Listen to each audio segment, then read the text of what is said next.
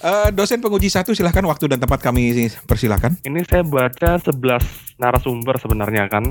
Dosen penguji satu beneran dia buka skripsi aku ya Allah. Dosen penguji tiga. Dapat ide dari mana untuk ngambil tema itu? Eh, kebetulan karena gue suka sama baca buku-buku distopia yang lagi ngehits juga. Uh, hiperrealis sama temporary simulacrum gitu atau temporary simulacra. Titi titi pelan pelan ti pelan pelan ti. Gue udah mulai roaming nih ti. Dia baca Harry Potter aja pusing. Uh, skripsi ini sebenarnya bagus, tapi Anda tidak lulus. Nilai saya saya serahkan ke dosen pembimbing kedua aja. Saya akan berikan nilai A plus. Ini dosen killer nih, dosen killer. Jangan seneng dulu, udah tepuk tangan aja.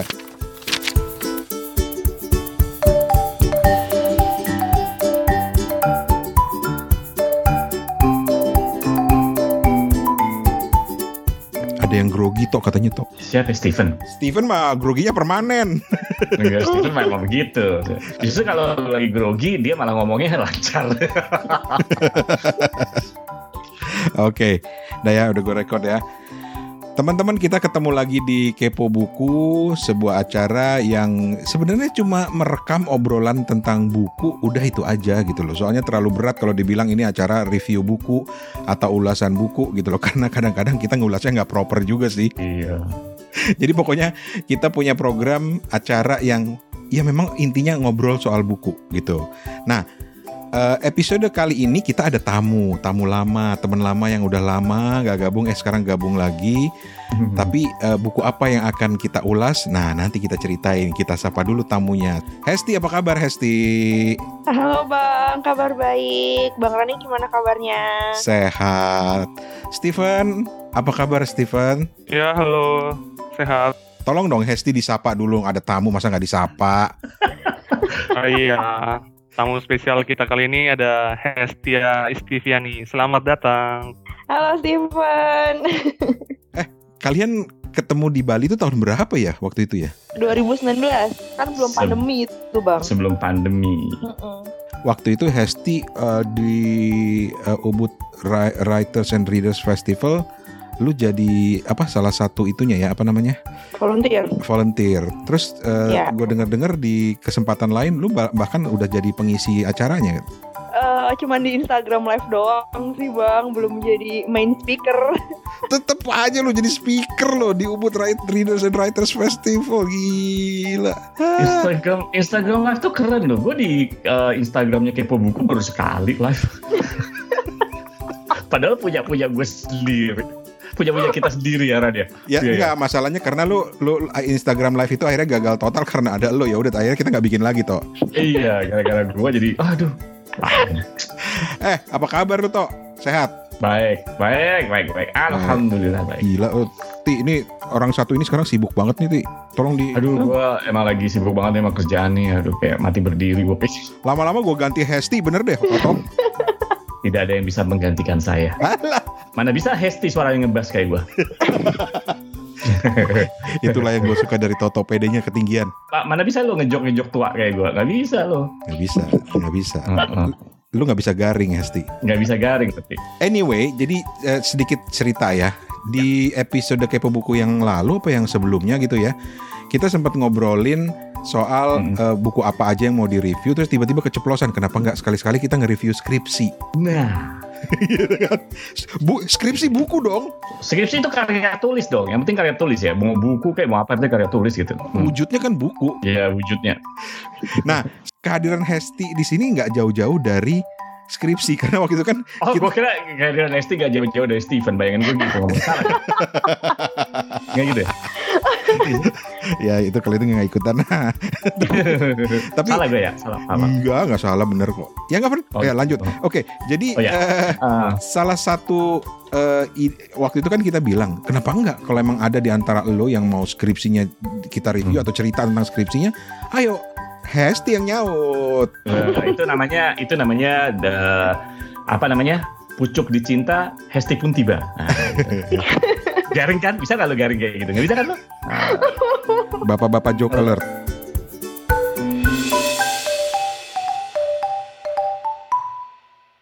Nah, sebelum mulai, karena nanti ternyata skripsinya Hesti ini menarik dan gak jauh-jauh juga dari buku gitu sebetulnya. Tapi sebelum Oh, mulai, oke. gue mau menggali kenangan kalian semuanya. Dan ini spontan aja ya. Uhuy, Garing lagi. garing lagi kan? Ah, ya kan. Nggak bisa guys gantiin gue. Emang gue sengaja begitu biar Resti nggak bisa gantiin Iya. gue. Steven, Gimana? lu masih inget judul skripsi lo nggak? Udah nggak ingat. Jadi nggak bikin. Iya. Tapi inget nggak lo bikin bikin skripsinya tentang apa? Eh, bikin skripsinya itu tentang ikan mas. Pakai koki nggak?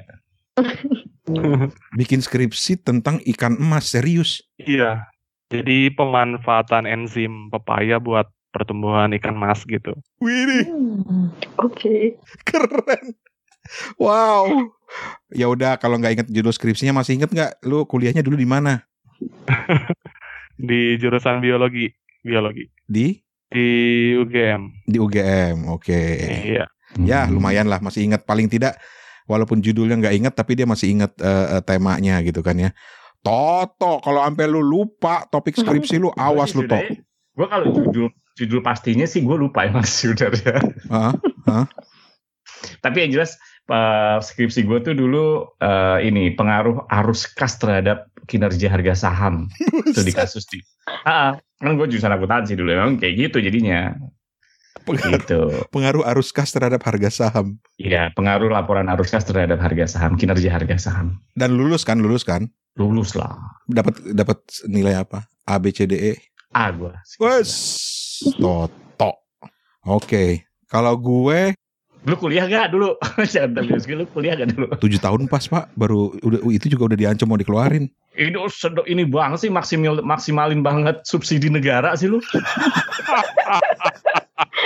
diketawain sama Steven Zaman dulu kan kita masih subsidi Ran. Lu maksimumin banget subsidi sih lu.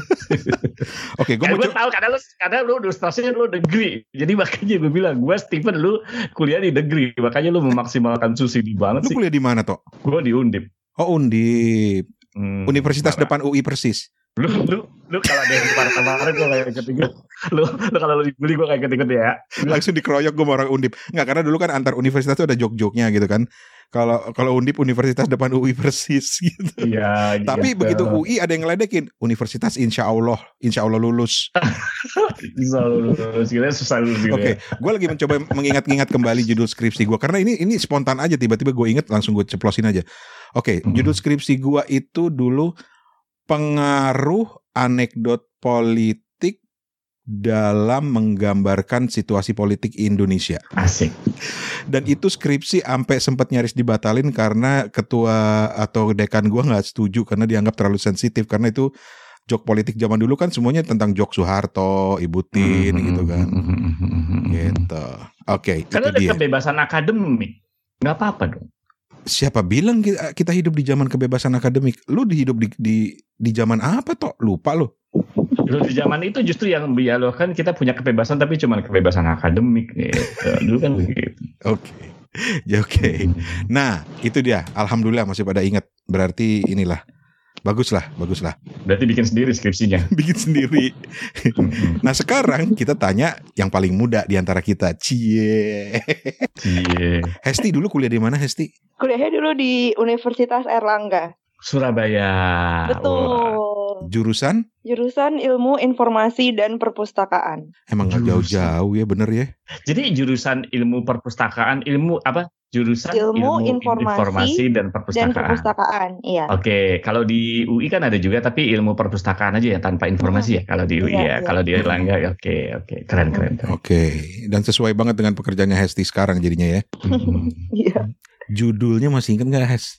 Judulnya eh pokoknya tentang pemaknaan novel distopia di kalangan anak muda dan menggunakan teori atau pisau teorinya perspektif cultural studies. Itu sih yang diingat garis besarnya. Tahu nggak lo novel distopia apaan lo? Ayo.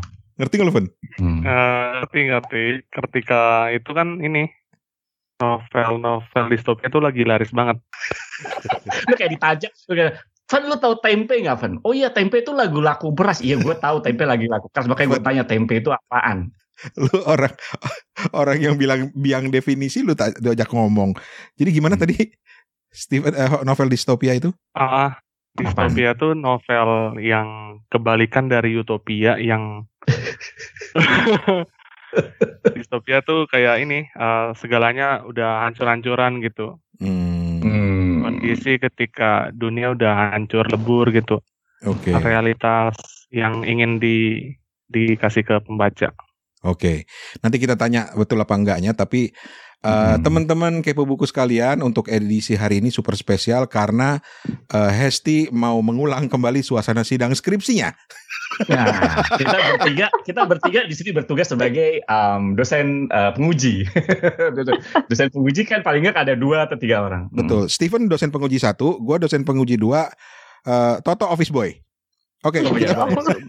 Gue biasanya kayak kayak gitu tuh lagi lagi lagi di lagi di apa lagi diuji sama dosen dua dosen nguji tiba-tiba ada ada apa namanya office boy atau siapa gitu uh, cleaning gitu tiba-tiba masuk nyapu nyapu Itu- itu- konsentrasi. itu gue yang lagi itu yang pernah gue alamin gue lagi dicecer abis-abisan sama dosen ini office boy nyelonong masuk cuma naruh teh doang di depan gitu kan iya benar gitu nggak ada roteh doang gitu. sambil nyengir-nyengir ke arah gue gue bilang gue hajar lu Oh, beneran Kampret gitu kan iya. oke tapi oke ini menarik kenapa kenapa ketika Hesti nawarin udah gue gue juga skripsi gue ada bang soal ini soal soal apa eh, ada kaitannya dengan buku. Hmm ini menarik nih. Jadi jadi mungkin kita akan mulai dengan eh yang paling sederhana. Itu maksudnya judul skripsi lu apa sih Hes? dosen penguji duanya agak-agak on nih agak-agak lemot iya gitu. gitu Eh, iya betul betul.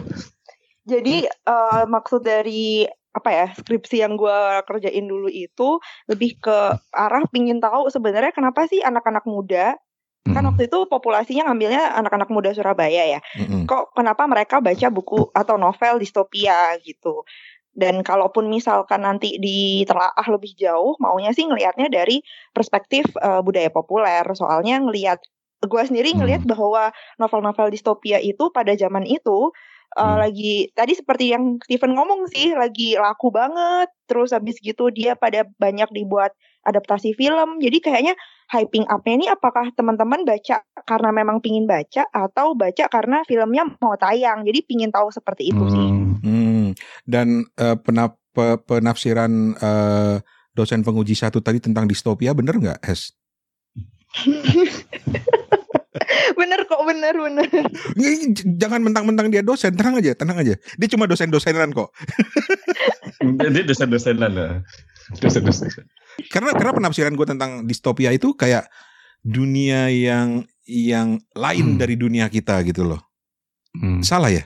distopia itu kan kalau misalkan kita pingin hidup di tempat yang nyaman aman makmur sustain itu kan namanya utopia nah distopia Utopia, itu ha-ha. lawannya lawannya Betul. jadi yang di mana dikatakan ya tadi ancur-ancuran terus nggak ada kebebasan akademik nggak ada kebebasan Hmm. berpendapat nah kayak kayak gitu tuh Oh berarti kayak ini dong. eh eh, 1984.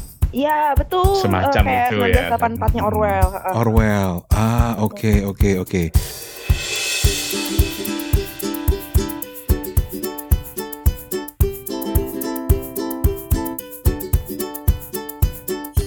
Baiklah. Eh dosen penguji pertama ada pertanyaan? Apa ya bentuk pertanyaannya? Hmm, kita balik dulu ke distopia aja kali ya. Bayangin bang kalau krisis iklim itu bikin dunia tuh membeku gitu. Nah, Hmm. ketika peradaban dibangun di atas iklim yang beku tuh, kira-kira gitulah eh, latar dari novel Hunger Games yang dijadiin skripsi oleh Hesti. Kok lu tahu, Hmm. Fen? Eh, maaf. Eh, kok Bapak tahu, Pak dosen? Eh, ini pernah saya baca dulu gitu. Oh, gitu. Baik. Baik. Pak dosen penguji tiga silakan Pak dosen. Aku jadi tiga bukan ya lu tadi. Bu gue ya. Lu lu lu enggak enggak enggak enggak enggak gua, gua gua gua tarik balik. Lu bukan office boy, lu dosen penguji tiga merangkap office boy. Silakan. Oh bukan office boy gitu Iya. ya. Biasanya office boy itu malah karena seringnya datang ke tempat pengujian dia udah tahu lo pertanyaan apa yang bakal muncul dah harus menjawabnya apa. nyelip dikit lu tau nggak office boy di kantor eh, di di kampus gua dulu. Itu Siapa? gua itu Hmm. kalau mau eh, eh, minjem buku-buku yang agak susah gitu di perpustakaan ya, Mm-mm. buat gua fotokopi, dia tuh yang ngebantuin. Oh, sama di depan gue juga begitu. Keren banget Zaman loh. dulu juga zaman dulu juga begitu tuh. Zaman dulu zaman kita kan ada yang dulu bilang ada kebebasan apa akademik dulu, dulu Iya. kan buku-buku ekonomi tuh bangsanya kayak Das Kapital gitu yang Hmm. itu di- diumpetin tuh. Dan orang biasanya office boy yang tahu malah tuh, Mas Mas raknya sebelah sini Mas. Oh Iya, kenapa jadi nyicil di sini gitu. Sombong banget ya. Mas, mas, eh, ini ada das kapital mau mas? Iya karena dia udah biasa aja ngumpet-ngumpetin di situ. Entar kalau dia kenal biasa gitu biasa. Keren, keren. Office boy kampus gue tuh keren banget dulu. Oke Iya, silakan eh, Bapak dosen penguji tiga ada pertanyaan? Ti dapat ide dari mana untuk ngambil tema itu? Eh, kebetulan karena gue suka sama baca buku-buku distopia yang lagi ngehits juga, terus penasaran. Eh emang bener Hunger Games atau ada buku lain? Jadi yang diambil itu sebenarnya ada tiga trilogi karena Hmm. di saat yang bersamaan juga eh, apa filmnya itu lagi dirilis barengan gitu. Jadi ada selain The Hunger Games, ada Divergent sama The Maze Runner dan kebetulan juga tiga judul itu tuh bentuknya trilogi gitu loh. Jadi kayak wah eh, kalaupun ngambil sampel eh, populasi anak-anak muda untuk ditanyain ya mesti mereka pasti rilisnya ke kedua judul yang berbeda dan mereka akan gampang banget bilang oh iya trilogi yang satu itu kayak gini loh trilogi yang sebelumnya kayak gini gitu. Terus yang membuat lo penasaran untuk menyoroti novel distopia dan anak-anak muda di Surabaya itu apa? Emang emang lagi populer banget ya? Atau atau gimana sih? Jangan-jangan cuma jangan-jangan cuma karena lagi ada filmnya aja. Nah iya itu itu juga salah satunya jadi kayak beneran pingin tahu apakah orang-orang anak-anak muda ini uh, Hmm. kemudian jadi pingin baca karena kebetulan filmnya tuh mau dirilis atau ya emang ya lagi-lagi trennya aja dystopia novels gitu Terus hasilnya jangan-jangan karena mau ada filmnya. Hasilnya gimana? Macam-macam sih. Jadi hasilnya itu kalau dari skripsi gua itu akhirnya kayak kebagi jadi dua dua tipe apa namanya dua tipe pembaca. Yang pembaca pertama emang karena dia baca karena mengikuti tren uh, berbarengan dengan film lalu kemudian penerbit melihat itu sebagai peluang jualan gitu ya. Terus akhirnya ya dicetak ulang lah dibuat box set. Hmm, ya hmm, hmm. paham sendiri pasar kayak gimana. Lalu yang satunya emang dia udah suka. Jadi sebelum itu diterjemahin ke dalam bahasa Indonesia mereka udah kenal karena sempat bermain-main di internet. Eh, dulu belum seramai sekarang ya Instagram. Jadi waktu itu Tumblr. Hmm, book Tumblr itu banyak banget dan most of them uh, suka ngepost ngepost soal buku-buku yang lagi hype di US atau di Eropa. Jadi taunya dari sana Hmm. dan mereka mendapat akses untuk baca bahasa Inggris gitu. Terus ya udah mereka baca dan begitu tahu bahwa filmnya akan tayang nah itu mereka makin totalitas tuh. Jadinya kayak hmm. fangirlingnya fangirlingnya makin-makin. Yang di mana di dalam buku itu misalkan ada simbol-simbol tertentu gitu ya. Kayak kalau di Hunger Games kan eh, pakai tangan kiri eh, menunjuk ti- pakai tiga jari gitu. Kalau mung- mungkin sempat lihat ketika protesnya di Thailand nah itu kayak gitu tuh yang Hmm. eh, kayak Katniss Everdeen nah itu jadi kayak kayak gitu tuh akhirnya jadinya di, diinternalisasi lah bahasanya oleh para pembaca dan semakin diinternalisasi ketika bener-bener mereka bisa lihat filmnya di bioskop. Keren. Eh gue keluar dari peran bentar mau nanya, lu waktu sidang skripsi ngomongnya udah kayak gini ya? Eh, Kayaknya belum deh bang. gue rasa di waktu sidang skripsi, eh, jadi anu pak, eh, nya, gitu. Hmm. jadi kayaknya kurang galak nih. Coba coba eh, dosen tiga dulu deh. Dosen tiga, dosen penguji tiga silakan. Lu harus galak dong, tau gimana sih toh? Ah, jangan galak. Skripsi itu jangan boleh galak. Oh, nggak boleh ya? Justru harus terus santai. Kalau gue santai. Oke, oke.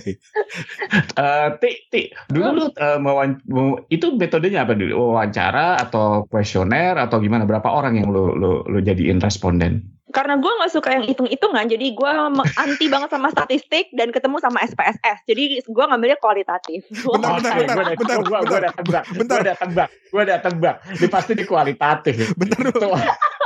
gue gue gue cuma mau bilang "Al- ti lu lagi ngomong sama orang yang gila statistik sementara gue pengen banget ngajak lu tos ti karena gue nggak suka. Gue benci banget namanya SPSS ngolah data segala Iya macam gue benci. Betul. lu lu pada Sama- pada lu sama, pada Bang. pada ya. Eh justru tuh kok ini ya tahu tuh justru pakai statistik tuh gampang. Gue sampai sekarang ya terus terang gue belajar penelitian kualitatif itu malah gue nggak mudeng loh. Maksudnya Hmm. susah gitu loh maksudnya untuk bener seriusan kan harus benar-benar kan kualitatif ya eh, eh, kalau kalau even kalau misalnya kualitatif yang jadi non parametrik pun gitu. Ini agak ini. Itu tetap ada hitungannya kan enak gitu. Oh keluar hasilnya segini. Oke kesimpulan gue oke lah. Hipotesis gue diterima atau ditolak kan gitu gampang. Kualitatif bukannya lebih sulit malah. Ti- ti- sih lebih ti- sulit. Lu barusan ngerti gak sih Toto ngomong apa ti parametrik parametrik apa sih? Gue taunya paramek. Susah emang. Makanya harus tetap eh, ber, ini dong dengan eh, perkembangan zaman dong. Nggak juga sih itu zaman dulu banget sih. Zaman dulu banget. Oke, tapi Oke sebelum oke. sebelum ke ke dosen penguji satu lanjutin. Dosen penguji tiga silakan lanjutkan. Tapi tapi ini justru justru justru tadi ya gue gue salut sama Hesti karena Hesti itu berarti milih jurusan yang memang in dengan dia gitu. Ilmu informasi dan perpustakaan dan dia memang in dengan buku. Hmm. Ini yang menurut gue orang yang jadi satu gitu passion passion ya Ti, ya kalau gue bilang lu Mm-mm. suka buku dan lu masuk ke situ gitu. Ah, muji ada maunya nih. Lo kagak, gue muji itu i- i- Steven tadi yang nulis buat gue tolong eh, ST dipuji begini. Gue rasa muji itu karena bukunya ada yang mau diterbitin di Gramedia tuh. Alah. Oke.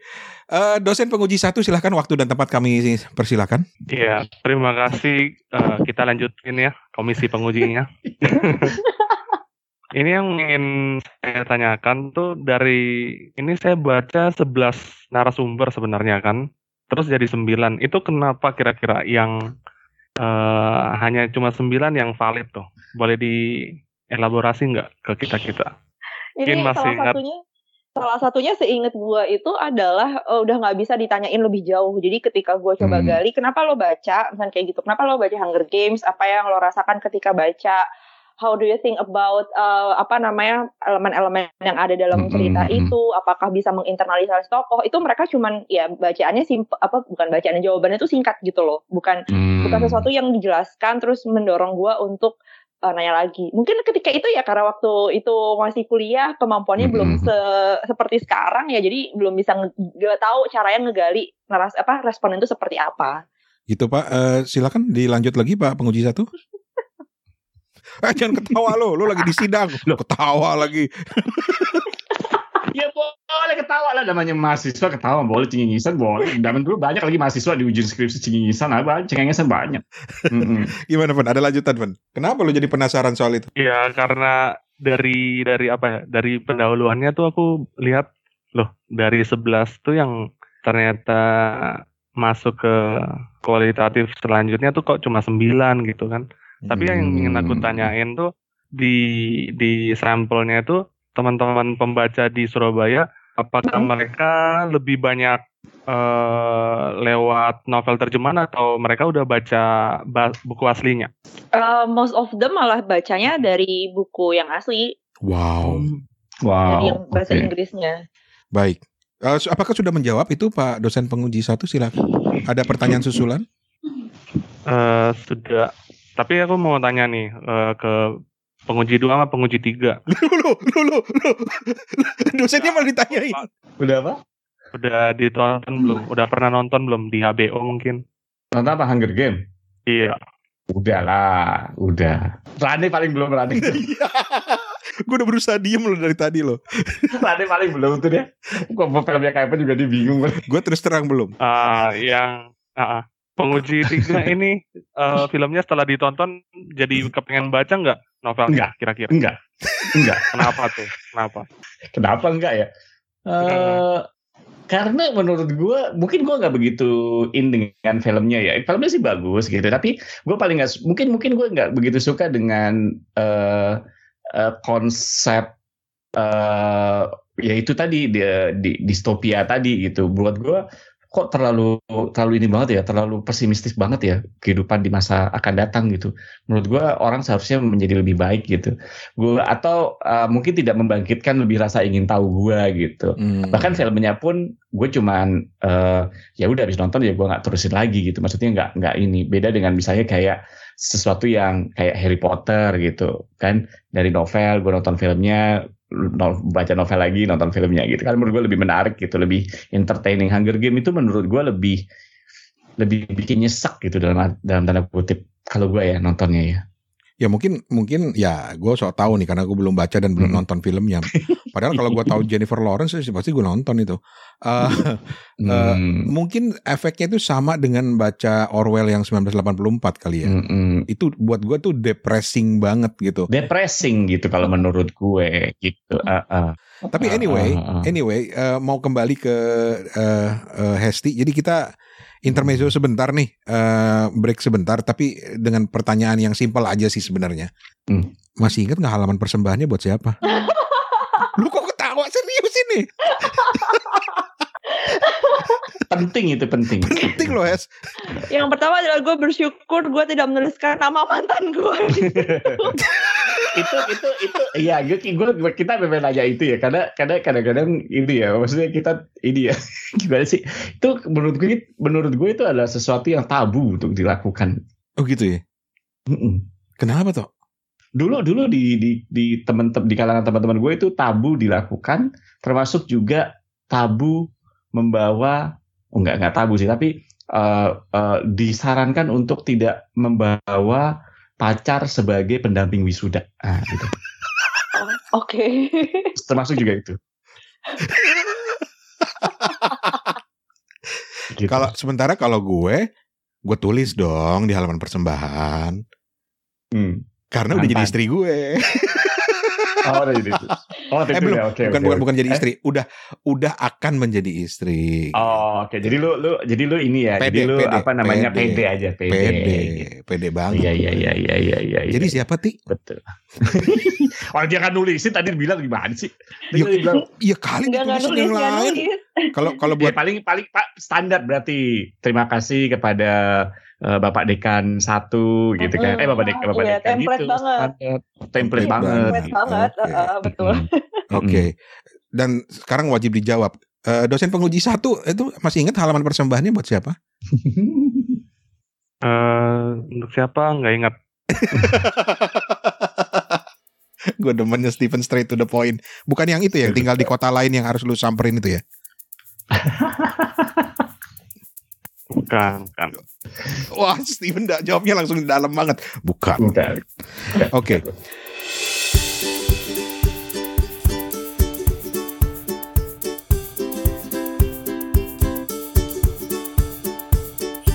Teman-teman lo masih dengerin eh, Kepo Buku yang hari ini kita lagi simulasi sidang skripsinya Hesti. Dan eh, Hesti itu membahas soal novel distopia. Terus tadi pisau analisisnya apa yang lo bilang lo pakai? Eh, budaya populer, cultural studies. Cultural Studies ya, oke. Masih Hmm. masih ingat nggak sih eh, reaksi dosen-dosen lo itu ter- terhadap penelitian ini? Jangan-jangan dosen-dosen lo juga nggak baca Hunger Games kayak gue. Iya, dosen lu tahu nggak tuh Hunger Game, dystopia, novel tuh kayak apa gitu? Ngerti nggak dosen lu? Nah, ini ini salah satu taktik supaya gue bisa lancar eh, ngajuin proposal dan akhirnya ACC jadi skripsi. Yaitu adalah Hmm. memilih dosen penguji, eh memilih dosen pembimbing yang Hmm. juga punya anak seumuran dengan gue. Jadi Oh, pasti gitu. ngikutin. Hmm. Oh, gue malah tadi mikirnya jahat. Jangan-jangan lu milih sengaja yang nggak ngerti dope- novel distopian. Oh, bukan. Jadi teman-teman yang sedang skripsi itu tips yang sangat penting ya. Tolong faktor pemilihan dosen pembimbing gitu ya. Itu penting banget. Silakan dosen eh, pembimbing tiga, eh dosen pembimbing, dosen penguji tiga silakan. Penga- eh, penerapannya gimana akhirnya ti buat masyarakat umum lah atau nanti buat buat buat pengembangan literasi atau apa tuh akhirnya ke mana ti? Jadi eh, sebenarnya pinginnya itu adalah Surabaya itu udah punya perpustakaan yang ketika itu Hmm. sudah oke gitu dari segi Hmm, sarana sarplasnya itu udah oke terus ya gue berharap para pustakawan yang ada di sana tuh nggak cuma menyediakan pustakanya aja menyediakan bukunya tapi ya juga agak effort gitu ya kayak oh lu tahu nih novelnya mau jadiin film dekorasi di dalamnya dikasih pernak-pernik sedikit kayak atau lu misalkan ngundang komunitas semacam Indo Hunger Games buat bikin acara di dalam Hmm, hmm, perpustakaan sehingga anak-anak itu Mhm. jadinya excited dan mau baca gitu. Oh ini tuh sebenarnya ada loh bukunya. Kalian bisa Hmm. perpustakaan dan nggak usah beli bajakan atau nggak usah susah-susah beli. Kalian tinggal ngantri aja di perpustakaan kayak gitu. Niatnya seperti itu. Sekarang kita ke dosen nomor satu karena gue tahu di Ambon juga ada perpustakaan kan, Fen? Ada ada perpus perpustakaan kota yang punya Hmm. banyak harta karun ya aku bilang ya. Em, banyak buku-buku sastra Indonesia zaman 2000-an yang yang menanti untuk ditemui gitu. Macam Eka Hmm. Kurniawan, Ayu Tami, Hmm, Budi Dharma. selengkap itu ya. Tapi Iya. suasananya gimana? Enak nggak? Em, terakhir ke sana tuh udah bertahun-tahun lalu ya. Tapi waktu ke sana ya agak sepi. Oke, oke kita kembalikan ke eh, skripsinya Nak Hesti ini. Silahkan, dosen penguji satu ada pertanyaan lanjutan terkait skripsinya. Silahkan eh, Pak dosen. Iya, karena Waktu komisi kita udah mau habis nih, langsung aja ya kita tembak uh, gimana sih uh, hasil dari skripsi ter penelitian tersebut. Di sini kan ditulis nih ada 50% yang yang dia tuh tersimulakra gitu ya.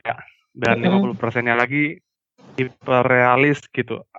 Mungkin bisa dielaborasi gitu temuan-temuannya waktu itu.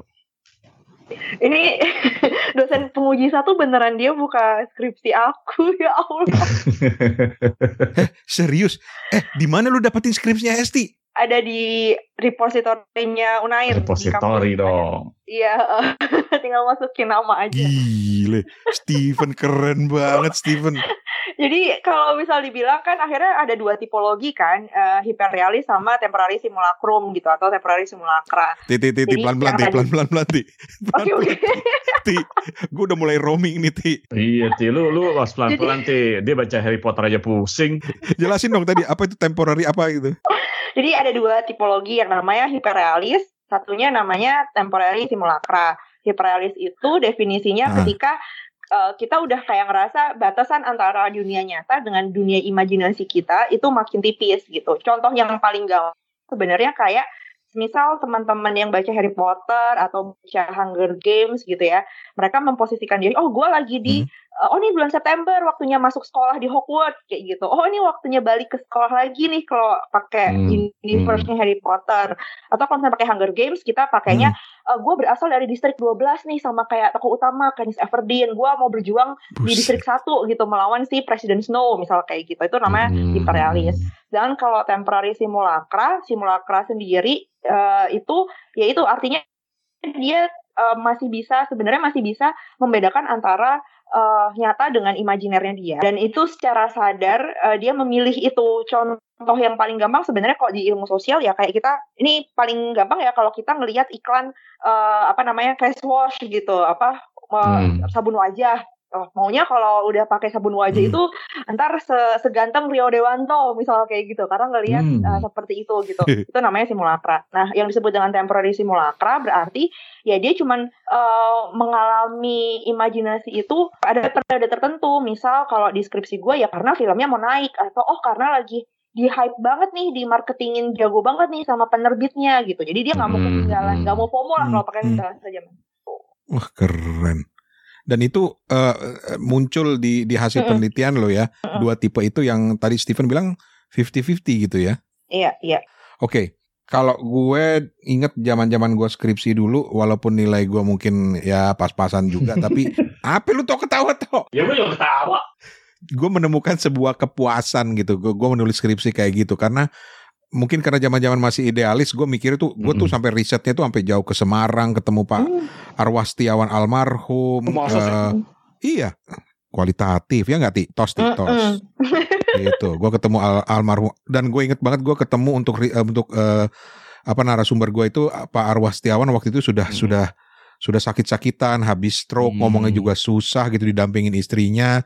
Hmm. Benar-benar itu perjuangan banget. Terus gue sempat ketemu dengan uh, apa namanya uh, Pak Jaya Suprana juga karena gue terkait dengan uh, humornya kayak kayak gitu.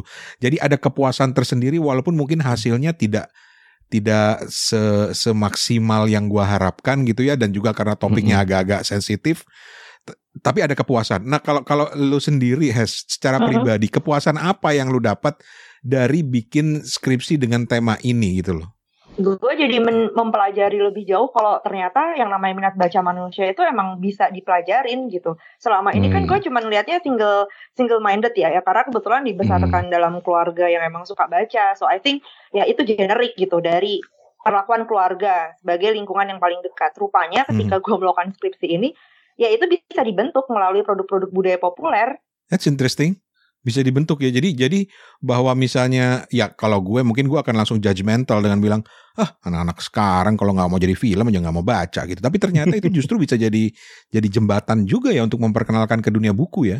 Betul. Kan kalau apalagi zaman sekarang ya apa-apa apa apa Netflix, apa apa Netflix. Wah itu udah memancing banget kalau misalkan sempat lihat beberapa display toko buku yang ada di luar negeri bahkan apa yang akan muncul di Netflix bahkan Hmm. masih coming soon atau rumor itu display Hmm. depannya tuh udah bukunya gitu udah buku dari adaptasi Hmm. itu Oke, kita mendekat-dekati akhir dari skripsi eh sidang skripsi ini.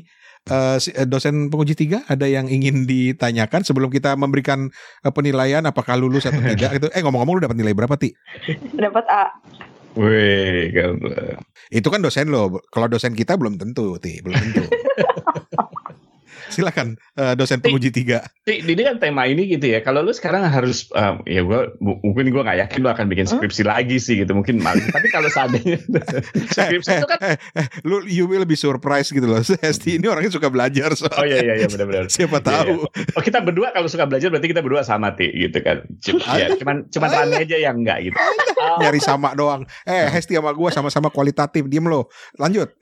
Ti, kalau lu harus bikin skripsi lagi, Ti, kira-kira di gua, gua bisa kayak gitu ya. Tema Wah, apa keren, yang kira-kira bakal yang lu angkat di di kekinian saat ini kalau lu lihat? Eh, gampang banget mereka semua adalah di- digital native ya yang di mana informasi mhm, pertama pasti dari internet pasti dari media sosial jadi gue Mhm. lebih menyarankan mereka untuk eh, mengobservasi eh, bagaimana kehadiran bookfluencer ini membantu untuk meningkatkan minat baca karena bookfluencer tuh nggak cuma dari satu platform ka- kayak bookstagram Hmm, atau book twitter hmm. bahkan booktokers atau orang-orang yang suka buku dan suka mempromo- mempromosikan buku lewat TikTok itu juga banyak most of them tahu beberapa buku lagi hype itu bahkan dari TikTok ya sama kayak di industri musik kan beberapa musik-musik Hmm. lawas tiba-tiba naik lagi karena dipakai dance sama TikTok gitu jadi itu sih bisa salah satu idenya Hmm, keren kan, keren kan.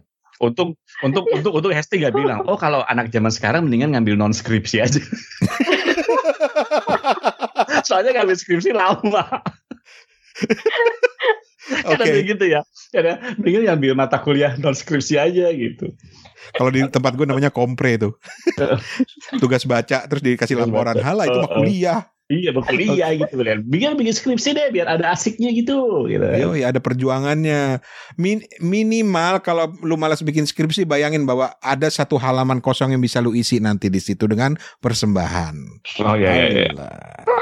Dulu skripsi gue lama gara-gara gue ini. Skripsi gue lama tuh gara-gara bukan masalah analisisnya. Karena Bikin kata pengantar sama halaman persembahan lama gue tiga bulan gue. lama tiga bulan tuh karena menunggu belum dijawab-jawab juga kan lo. Iya belum jawab-jawab. Gue dapat apa namanya dapat rilis letternya ini kan gue mau nyantumin nama ini boleh apa enggak gitu kan ya nggak Eh. keluar keluar akhirnya ya udahlah nggak ada jawaban-jawaban pasti ya masih di masih digantungin terus lu ya. digantungin ya udahlah daripada skripsi gue nggak lulus gitu gitu apa hubungannya ya Iya. Lama-lama digantungin digantungin halaman persembahannya terima kasih kepada gantungan saya.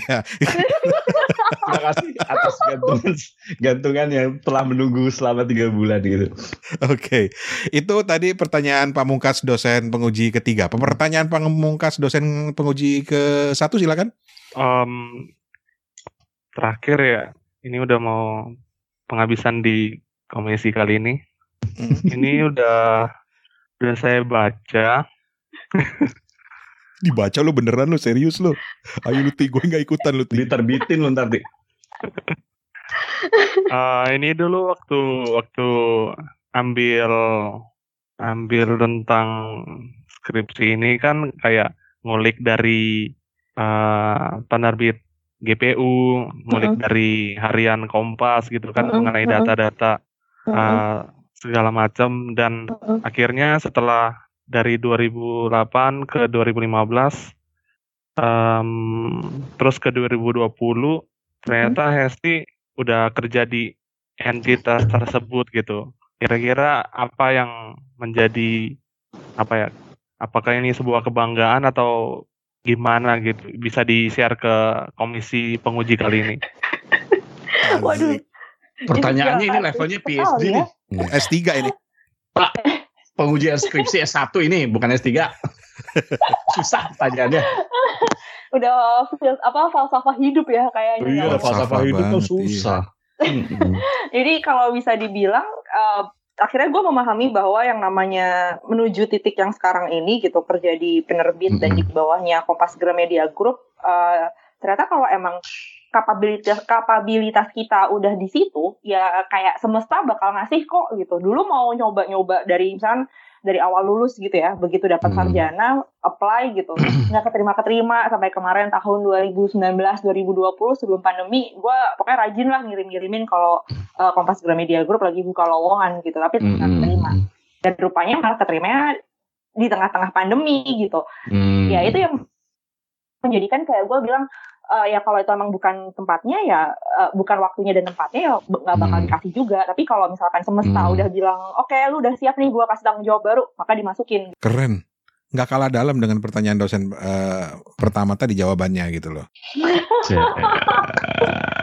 Oke, gua belum pernah ketemu orang yang serius ini di dunia buku eh, selain elu ti. Mungkin gua nggak gua nggak gaul juga sih ti. Tapi ke depannya nanti tuh gimana sih ti kalau menurut lu dunia buku di di di, di Indonesia lah khususnya gitu. Hmm. kan ya ada salah satu ada satu keuntungan ya eh, pandemi membuat kita harus di rumah aja nggak bisa ketemu Mm, secara mm. fisik akhirnya banyak banget klub buku klub buku yang basisnya online dan Hmm. dari klub buku online itu teman-teman jadinya berkenalan dengan pembaca yang lain. Jadi tahu ragam terbitan nggak cuma didominasi oleh satu pasar atau satu penerbit besar aja. Melainkan jadi banyak. Mereka jadi tahu oh ada yang namanya penulis kulit berwarna oh ada Hmm. yang namanya isu-isu yang misalkan mereka jadi kenal sama margin kiri atau penerbitan-terbitan komunitas bambu gitu ya yang Hmm. yang bisa dibilang kalau zaman sebelum pandemi kan kalau lo nggak main ke Posanta kalau lo nggak main ke, ke C2O Library di Surabaya lo nggak akan kenal sama mereka kayak gitu Gue menangkap nada optimis eh, dari lo bahwa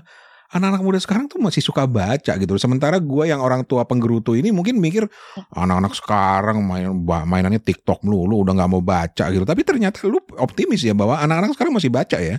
masih masih nah yang ini ini menarik sih Bang Rani ngangkat soal perbedaan antara eh, anak-anak zaman sekarang dengan yang tadi eh, Bang Rani ngelihatnya teman-teman cuman eh, mainan media sosial Hmm. kita sering kali membatasi bahwa baca itu selalu bentuknya buku dan harus bentuk cetak. Padahal di era yang sekarang ini subscription itu nggak cuma Netflix dan Spotify, melainkan ada juga Script, Gramedia Digital, Bookmate dan lain-lain.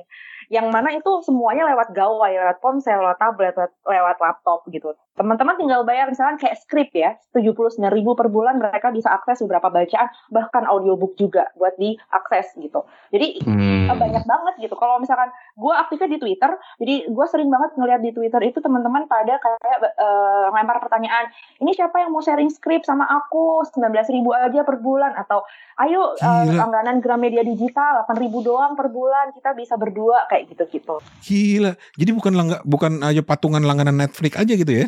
Mm-mm. Betul. Gila. Makin yakinlah gue bahwa gue seorang lelaki tua penggerutu. Ternyata gue kurang membuka mata. keren, keren, keren. Well, seneng. Gue gue seneng banget dengernya. Tapi ya karena kita harus eh, segera menutup sidang ini eh, dan karena ini Universitas Kepo Buku ini tidak pernah kompak gitu ya eh, antara para hostnya. Jadi kita tidak pernah bisa kompakan apakah akan me- meluluskan Hesti atau tidak. Jadi ya kita kembalikan kepada masing-masing dosen penguji.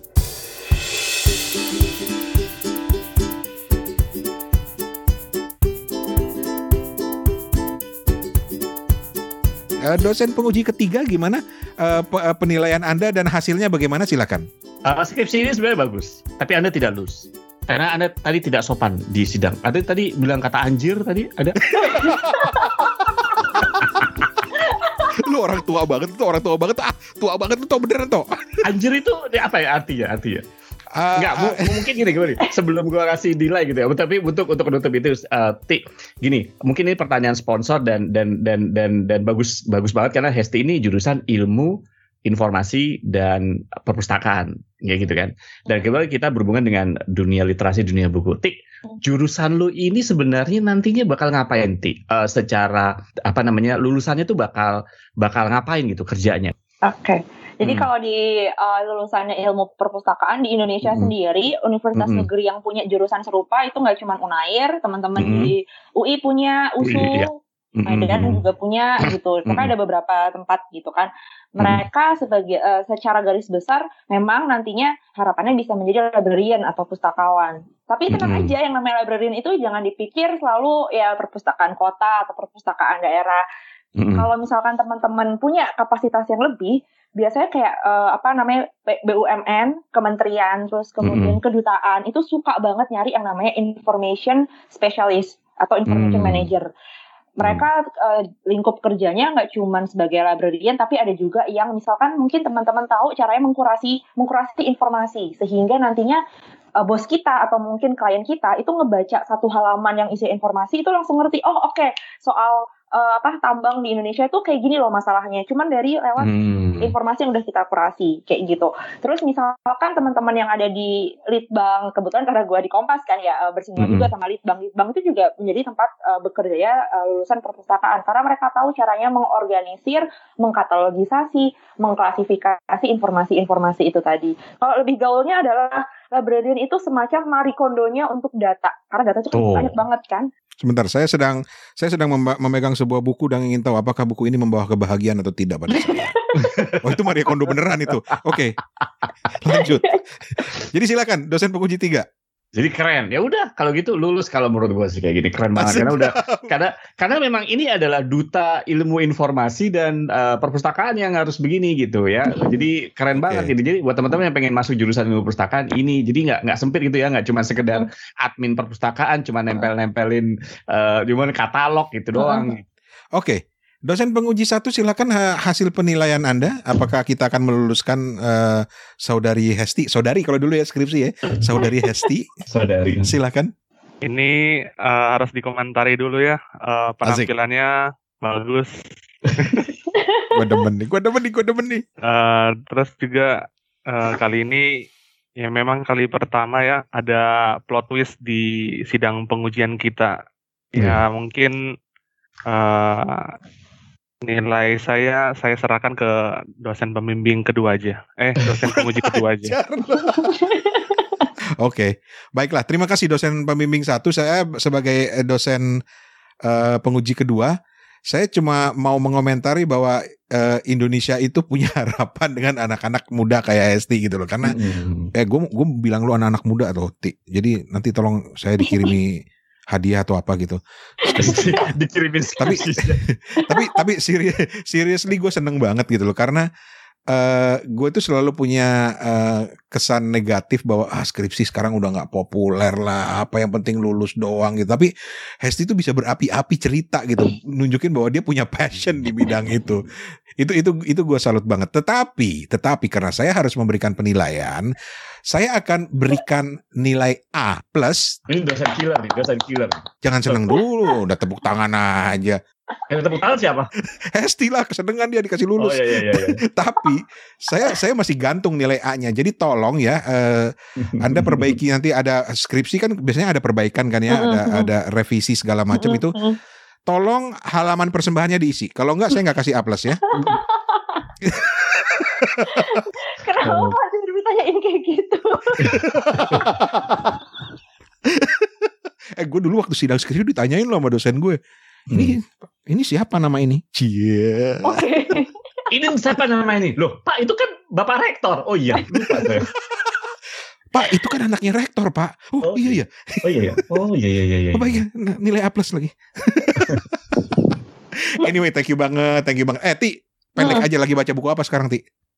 Lagi baca bukunya Minato Kanae yang baru, Paris Wheel at Night. Eh, ada yang baru Minato Kanae? Iya, barusan banget terbit. Bang Rane ikutin ini penulisnya.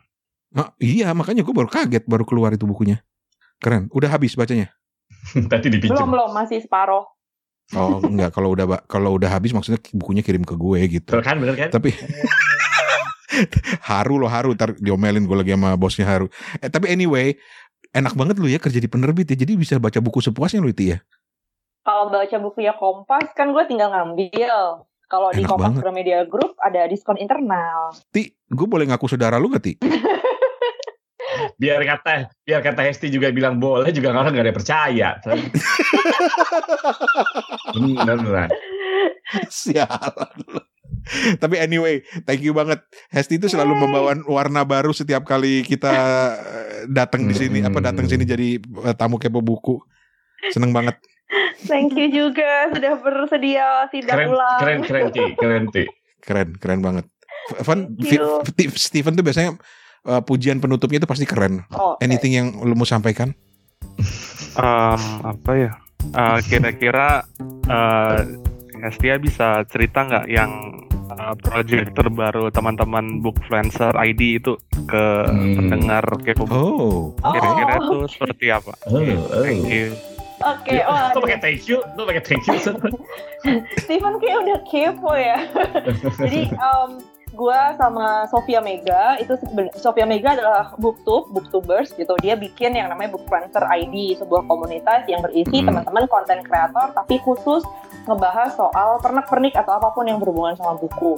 Harapannya adalah kurang lebih sama kayak konsep yang tadi kita ngomong soal librarian, uh, buku bisa dipertemukan dengan pembacanya. Jadi ya Bookfluencer adalah biro jodoh buku untuk membacanya. Jadi semisal kayak, oh Om Toto sukanya buku filsafat, buku yang mikir-mikir. Oke, ntar uh, kalau misalkan Om Toto nih bikin buku soal filsafat, gue bisa langsung uh, refer, oh ini aja si A yang menjadi Bookfluencer buat bukunya Om Toto, biar ntar makin mahal Wih. jadi laku di pasaran. Nah, semacam itu. gila jadi kayak kayak kayak kayak agency influencer untuk buku gitu ya. Betul, iya betul Bang Rane. Karena selama ini kalau dilihat di Indonesia, most of them itu melihatnya influencer selalu kalau nggak food and beverage, fashion, beauty. Padahal book itu juga punya pasar sendiri dan kalau mau kepoin, ya book Bookstagram sama BookTok itu gila sih, itu kreatif banget, cantik-cantik banget kalau bikin Eh, iya bisa sih, jadi iya ladang sih. baru.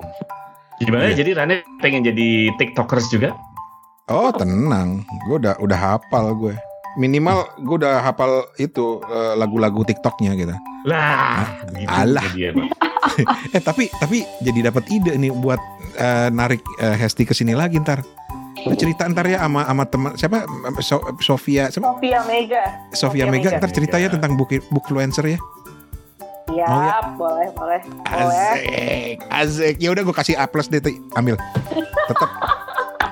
Anyway, Hancur, terima kasih banyak Hesti, terima kasih banyak. Ah, sama-sama. Senang bisa kumpul di sini. Steven, thank you. Toto, thank you. Thank you. Oke. Dadah.